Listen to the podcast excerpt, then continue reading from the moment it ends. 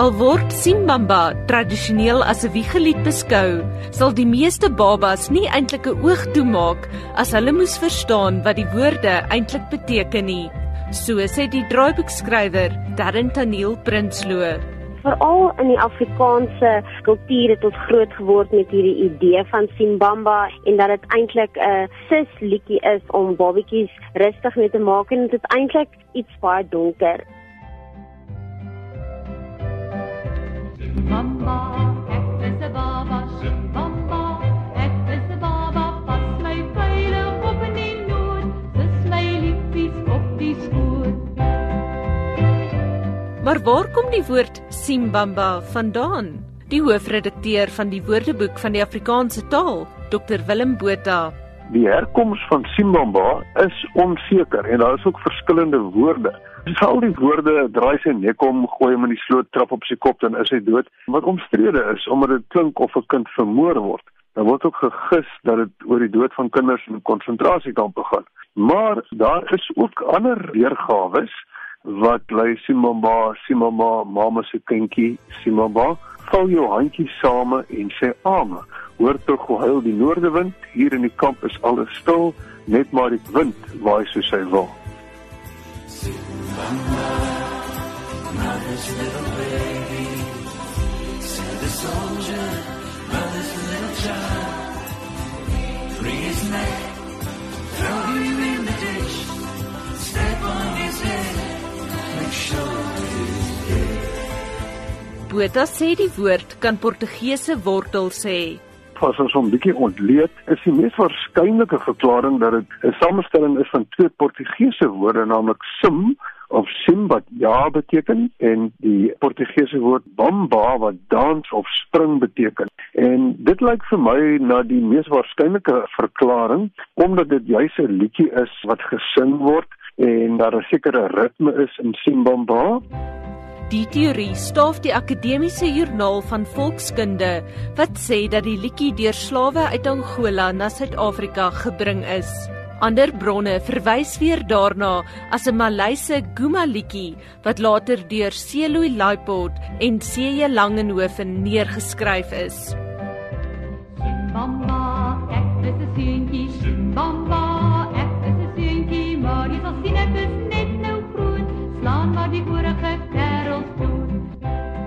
Volgens die akademiese Swerwer Joernaal was die oorspronklike liedjie sien die mamba wat in die volksmond Simbamba geword het. Hulle verduideliking is dat 'n Xhosa vrou dit aan boerekinders gesing het wat tydens die Anglo-Boereoorlog in grotte weggekruip het waar daar baie pofadders voorgekom het. It's a blue and misty mountain with tall and hungry trees. Footprints from a gold mine, the wind howls in its ears. At the edge of the lake, hyenas laughing wild. Wild horses in the distance, don't cry, mother's child.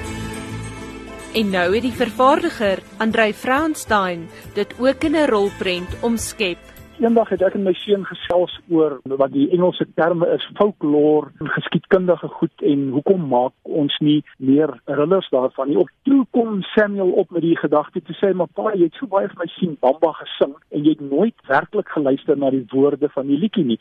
En toe met 'n skok besef ek maar die liedjie is erg en en toe het ons ondersoek gaan instel waar die oorsprong van die liedjie vandaan kom en besluit dis die riller wat ons moet maak vir die internasionale mark. Vrouenstein sê hulle het ook in die navorsing verskeie betekenisse vir Simbamba gevind. Hy het kosa geskiedenis uit waar hulle die mamba gesien het en gesê trap op sy kop met die mamba die slang. Simbamba, mother's little baby. See the mamba, mother's little child. Bring his neck, throw him in the ditch. Step on his head. Maar dan is daar ook die mite wat bestaan dat tydens die Anglo-Boere oorlog, toe die boere in die konsentrasiekampe was, was daar sprake dat van die vrouens verkrag is en dat hulle nie die kinders wil gehad het nie as gevolg van die Britse bloed wat in hulle are se vloei.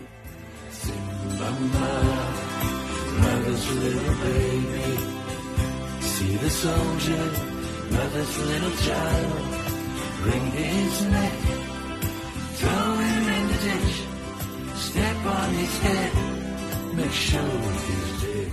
En die kinders is toe ongewens gewees en van hulle is doodgemaak. Dit is die konsep waar rondom Prinsloo die fliek se storie gebou het van vroedvrouens wat in die oorlog ongehuurde moeders gehelp om van babatjies ontslae te raak wat buiteegtelik of deur verkrachting verwerk is en hoe hierdie vroedvrouens hierdie ma's baie bang was gehelp het om van die skaamte ontslae te raak.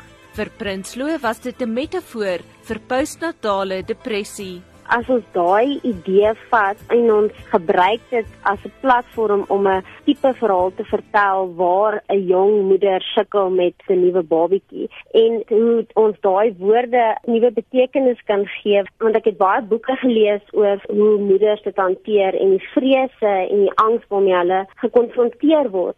Dit is waaroor films vir my gaan vir alle horror jy word gekonfronteer met jou ergste vrese Anne Marie Jansen van Vuren vir SAK nuus